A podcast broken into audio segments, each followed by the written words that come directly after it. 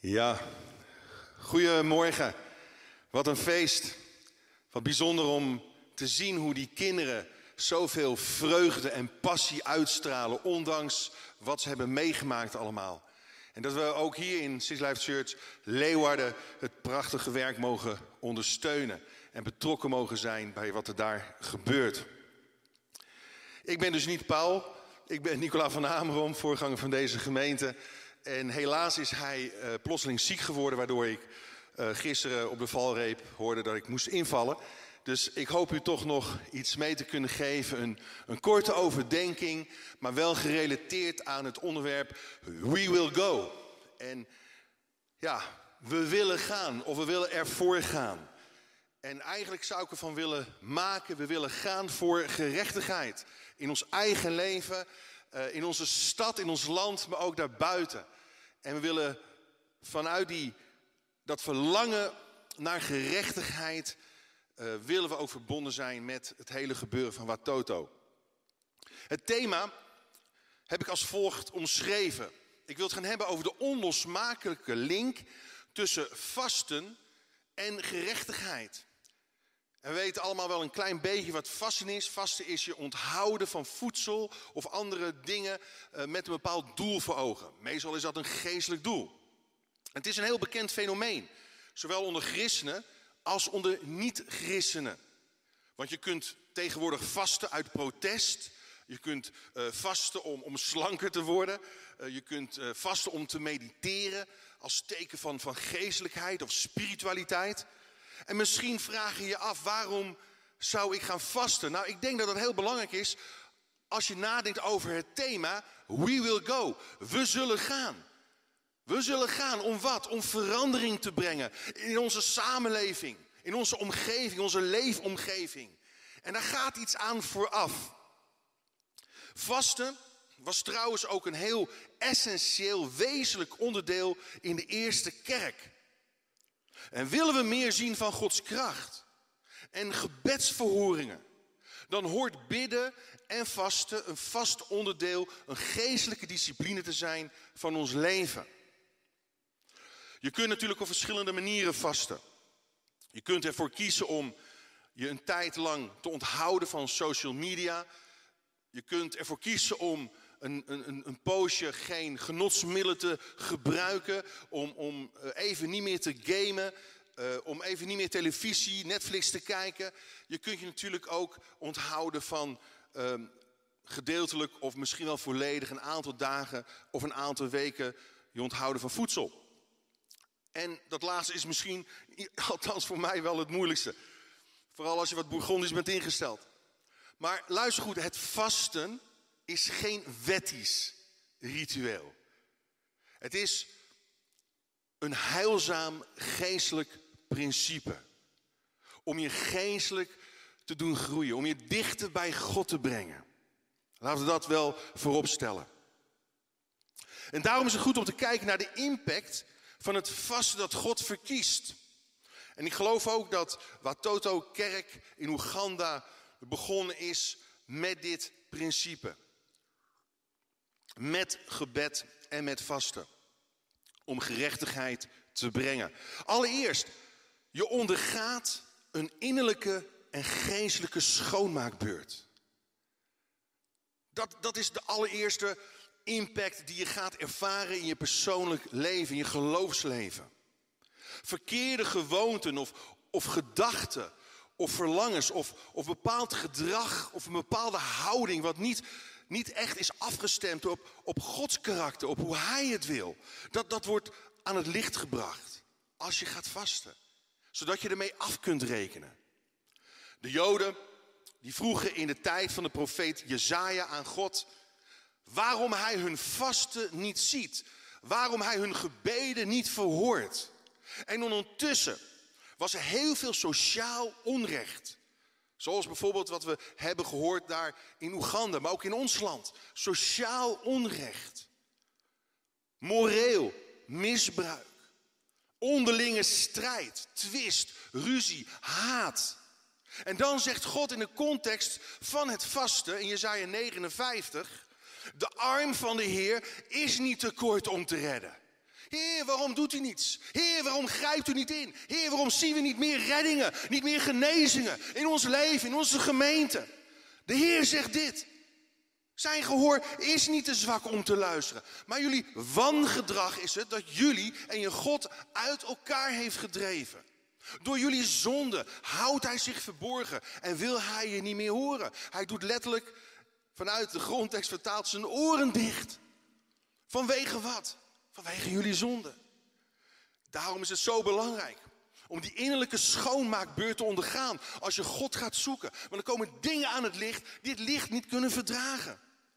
En het vast dat God verkiest, is juist dat fout gedrag en onrecht aan de kaak wordt gesteld.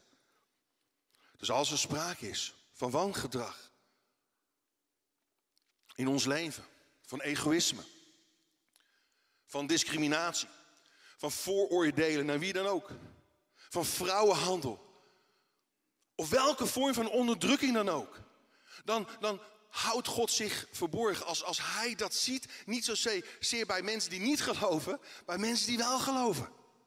En God wil ons door het vasten juist innerlijk vernieuwen, innerlijk schoonmaken. Hij zegt, zou dat het vasten zijn? Dat ik verkies, jullie verlangen naar mijn nabijheid. En God zegt pas, hier ben ik. Luister en, en lees mee. Wanneer je het juk, het juk van onderdrukking uitbandt. Wanneer de beschuldigende vinger en de kwaadsprekerij, de zonde van de tong, wanneer je de, dat uitbandt, wanneer de hongerige schenkt wat je zelf nodig hebt en de verdrukte gul onthaalt, dan pas zal je licht schijnen. Dan pas zal mijn licht en mijn kracht door jou heen gaan werken en stromen. De tweede impact is de volgende. Je, je leert verleidingen van de boze te weerstaan en Gods stem te onderscheiden. Want er zijn heel veel stemmen. Er zijn heel veel geluiden in de wereld die op ons afkomen. En we hebben onderscheidingsvermogen nodig. En er is een geestelijke strijd gaande, jawel, tussen goed en kwaad. Tussen engelen en demonen, tussen God en Satan. En vasten is een middel, in combinatie met gebed, om verleidingen van de boze te weerstaan. Denk aan Jezus toen hij door de geest de woestijn werd ingeleid. Hij werd daar 40 dagen lang door de duivel beproefd en, en verleid. Maar hij gaf er niet aan toe. En wat zien we? Pas na die periode begon hij zijn bediening ten volle. Met wonderen en met tekenen. En de kracht en de zalving van de Heilige Geest was op hem en met hem. En Paulus, hij beschrijft het als volgt. Wij vechten niet tegen mensen, maar tegen onzichtbare wezens die wel soms door mensen heen werken. De duivelse heersers en de machten die deze donkere wereld tyranniseren. We hebben te maken soms met een heel leger van boosaardige geesten in de onzichtbare wereld om ons heen. vaak vergeten we dat of we geloven het zelfs niet eens meer. We geloven niet eens meer in, in het bestaan van, van een duivel, van, van een macht van, van het kwaad. Maar de Bijbel noemt hem nog steeds de God van deze wereld, die de gedachten van mensen verblindt. En, en mensen hebben het licht van God nodig. En God wil jou gebruiken om dat licht te laten schijnen in de ogen van mensen om je heen. Maar dat kan niet als er, als er blokkades in ons eigen leven zijn. En het doel van vasten is dus dat je je helemaal op God kunt richten. Waardoor je meer en meer open komt te staan voor, voor de stem van de Heilige Geest en de leiding van de Heilige Geest. Van God spreken in je leven. Want door het vasten word je de ruis tussen jou en God weggenomen. En sta je open voor wat Hij zegt en wil doen met je leven. De derde impact is deze impact is je ontvangt autoriteit in de geestelijke wereld. Door de dood met de Heilige Geest worden we bekleed met kracht uit de hoge. En we hebben die kracht en die geestelijke autoriteit nodig. Weet je, toen de discipelen een, boze macht bij iemand niet konden uitdrijven, iemand die maanziek was, vroegen ze aan Jezus waar dat aan lag. Waarom konden wij die geest niet uitdrijven? En Jezus zei, dit soort of, of dit boosaardige geslacht kan alleen door gebed en vasten worden uitgedreven. Dus door te vasten ontvang je geestelijk gezag. Het onmogelijke wordt mogelijk. En je geeft God de ruimte om door je heen te werken met zijn kracht, met zijn liefde, met zijn autoriteit. Want je maakt je van hem afhankelijk. Het is niet uit je eigen kracht. De zalving van de Heilige Geest heeft niet met jouzelf te maken, heeft met een geschenk van God te maken op je leven. En we zijn in Christus, in de gezalfde, geroepen om de werken van Jezus te doen. Je hoeft dus niet bang te zijn voor die geestelijke wereld, voor die boze machten. Want al keert de hele legermacht van de vijand zich tegen jou, zegt Jezus, niets zal je enig kwaad doen. Je wordt vrijmoediger om in geloof dingen te doen die Jezus ook deed. Lees mee, Marcus 16, vers 15. Zij zullen, wie zij? De gelovigen, de discipelen, in mijn naam boze geesten verjagen. Ze zullen in nieuwe talen spreken. We hebben net Pinksteren gevierd. De vervulling met de Heilige Geest. En een van de duidelijke zichtbare tekenen was het spreken in nieuwe talen. Het spreken in tongentaal. En, en ze zullen zomaar slangen kunnen vastpakken. En, ze, en als zij iets giftigs drinken, zal hun dat geen kwaad doen. En zij zullen zieke mensen de handen opleggen en genezen. Wauw, wat verlangen we daarnaar, of niet? Naar doorbraken van Gods genezende kracht in onze gemeente, in onze levens, in onze gezinnen. En waarom doet u? Misschien is dit het antwoord. Een antwoord. Dit is het vaste wat ik verkies, zegt God. En dan komen we hier naar het punt van gerechtigheid. Ten vierde, je ontvangt, de impact is deze, je ontvangt compassie om te strijden voor gerechtigheid. Heel simpel, wat is gerechtigheid? Het woord zegt het al, dat is recht doen. Dat is goed doen. Dat is goed zijn. Dat is vriendelijk zijn. Dat is mild zijn. Dat is bemoedigend zijn. Gerechtigheid.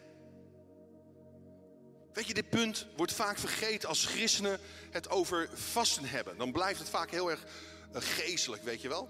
En, niet concreet, niet praktisch. Het ware vasten uit zich ook heel letterlijk in de strijd tegen armoede. Wat we hebben gehoord. Wat, wat Toto aan het doen is. Maar ook in onze samenleving dus.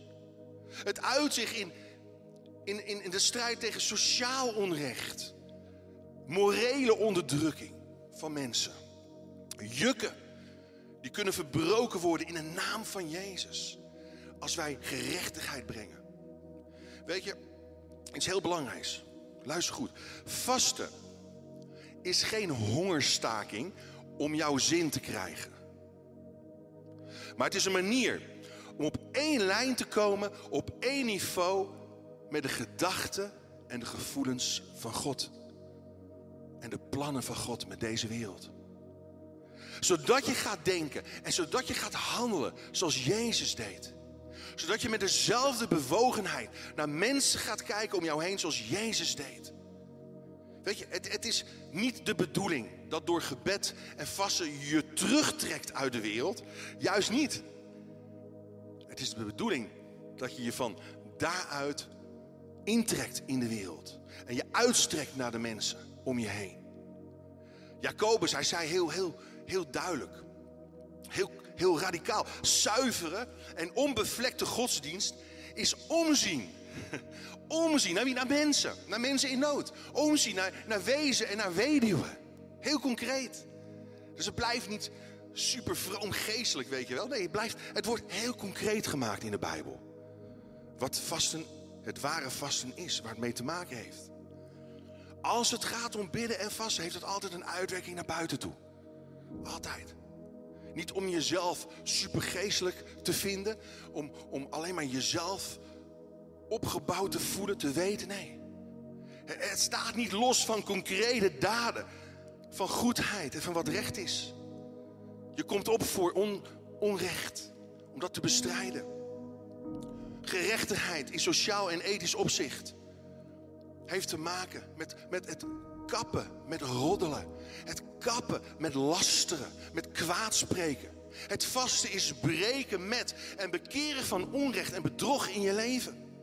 Want weet je, als dat niet gebeurt, zegt de Bijbel, is onze godsdienst een maskerade van valse vroomheid en schijnheiligheid, zonder kracht, zonder impact en zonder vrucht. En wat verlangen we ernaar, ook als gemeente, om vrucht te dragen, om impact te hebben in onze omgeving. En God zei, is dit niet het vaste dat ik verkies? Is dit niet waar ik een voorkeur naar heb? Is dit niet waar ik naar op zoek ben?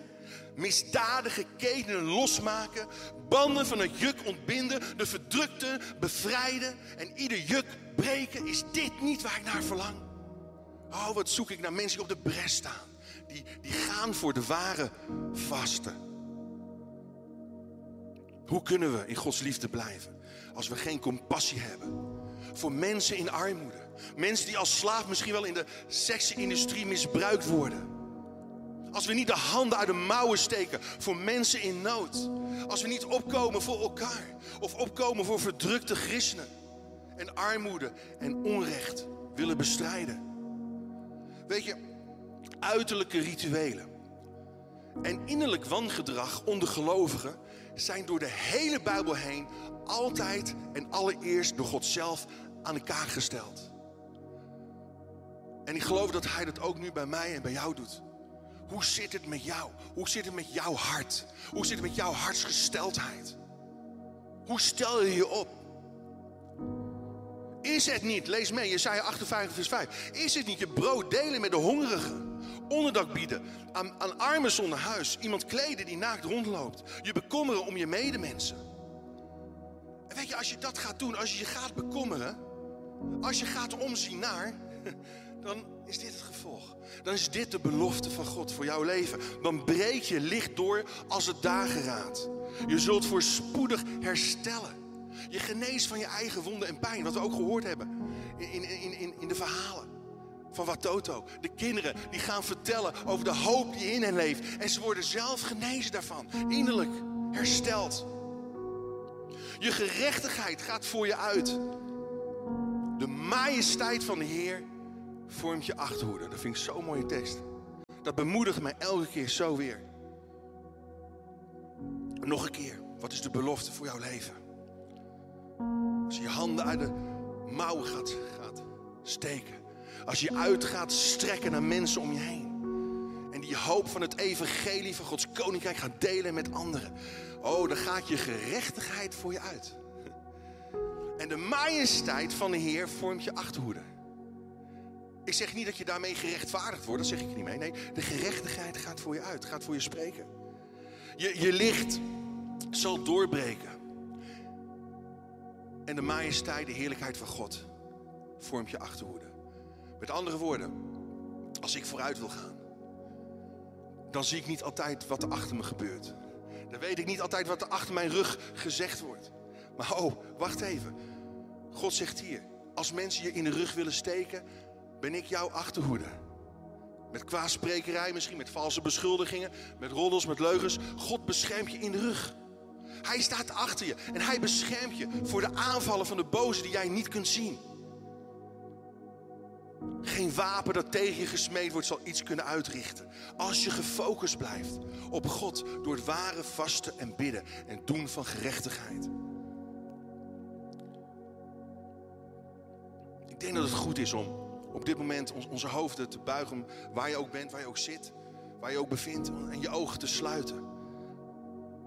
En het volgende te vragen, Heere God, dank u wel dat u mij oproept om dichter bij u te komen. Dat u mij oproept om innerlijk schoon te worden. Dat u mij uitnodigt, Heer, om in uw tegenwoordigheid te zijn en van daaruit uw licht te verspreiden.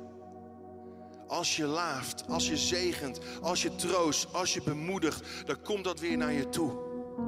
En ontvang je herstel in je eigen pijn, in je eigen verwondingen. En God wil ook jou genezen. Hij wil ook jouw leven herstellen.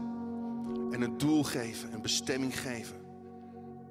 Voor dit moment, voor deze generatie, voor het hier en nu. En voor in de toekomst. Heer, dank u wel dat u op dit moment mensen wil aanraken. En Heer, dat we ons weer gaan verdiepen in het ware vasten, zoals u dat wil. Ketenen gaan losmaken waar mensen aan vastzitten. Gebondenen zullen vrijlaten in de naam van Jezus. Oh, dat de vijand zal wijken voor de naam van Jezus Christus, de overwinnaar over zonde, dood en duivel. Heer, dank u wel, Heer, dat u ons die geestelijke autoriteit geeft. En de bekwaamheid in uw naam. om uw werken te doen. En zo wil ik een zegen vragen voor onze gemeente, voor de Watoto-kerken, voor alles wat ze doen en betekenen. In de machtige naam van Jezus. Dat het goede werk dat u begonnen bent te doen, voortgezet zal worden. In Jezus' naam.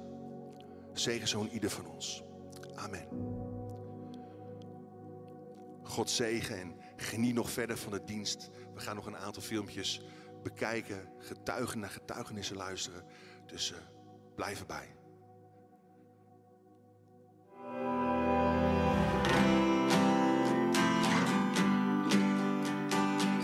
Hello, my name is Samuel. My name is Patricia. Jillian. Paz. I like Watoto because we get everything we need. I'll carve your name into the sun, love you till my days are done. When I grow up, I want to be an aeronautic engineer.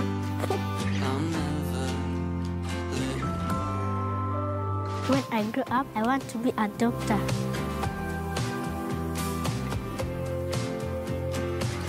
I want to be a pilot when I grow up.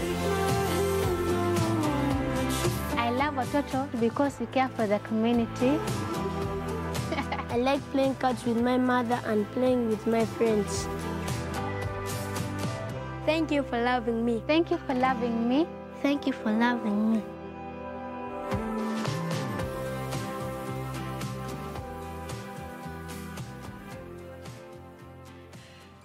Yes, wat Toto doet, prachtig werk. Maar weet je, zonder de betrokkenheid van al onze donateurs en sponsors zouden we dit werk niet kunnen doen.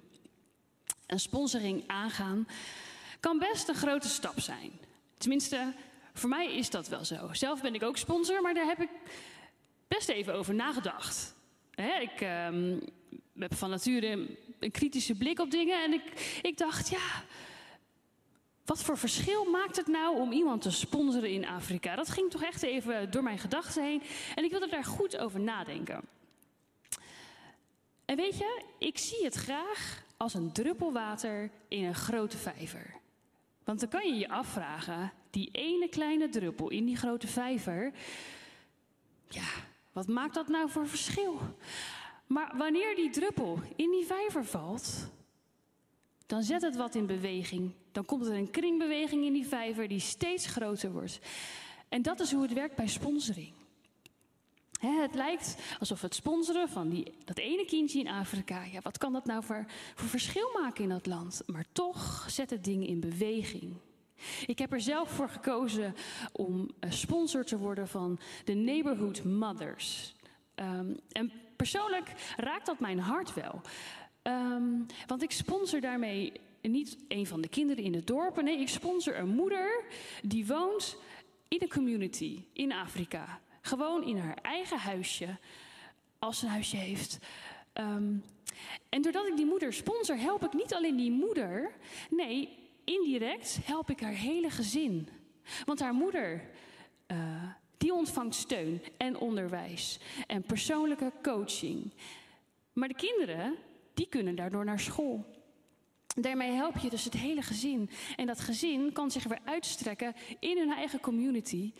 Um, waardoor er veel meer bereikt worden. En zelf vind ik dat een hele mooie, mooie gedachtegang. Dat ik daarmee toch iets in beweging mag gaan zetten, daar in Oeganda. Nou, misschien heeft het je wel geraakt en denk je, ja, misschien wil ik ook wel sponsor worden. Voor de mensen thuis, er is een QR-code in beeld als het goed is. Als je deze scant, dan kom je op, um, op onze pagina waar je alle opties vindt uh, om ons te kunnen ondersteunen. Uh, je kunt ook naar onze website www.watoto.com. Daar vind je ook alle informatie. En voor de mensen hier in de zaal, um, mocht je nou sponsor willen worden of wil je nou gewoon meer informatie, ik zit daar achterin. Kom dan straks naar de dienst even naar me toe en stel gerust je vraag. Ik help je er graag mee. Nou, dan komt er zometeen ook een moment van collecte. Um, voor de mensen in de zaal, er liggen ook um, machtigingskaarten voor een, een, gift op je stoel. Um, en ondertussen zullen we gaan luisteren naar een nummer van onze Worship Academy. En het nummer heet Song of Rescue. En het is geschreven door onze studenten bij Watoto. En het is hun eigen verhaal waarvan ze een lied hebben gemaakt. Ik vind het zelf een heel mooi nummer. Uh, ik wil je uh, ja, uitnodigen om er gewoon even van te genieten.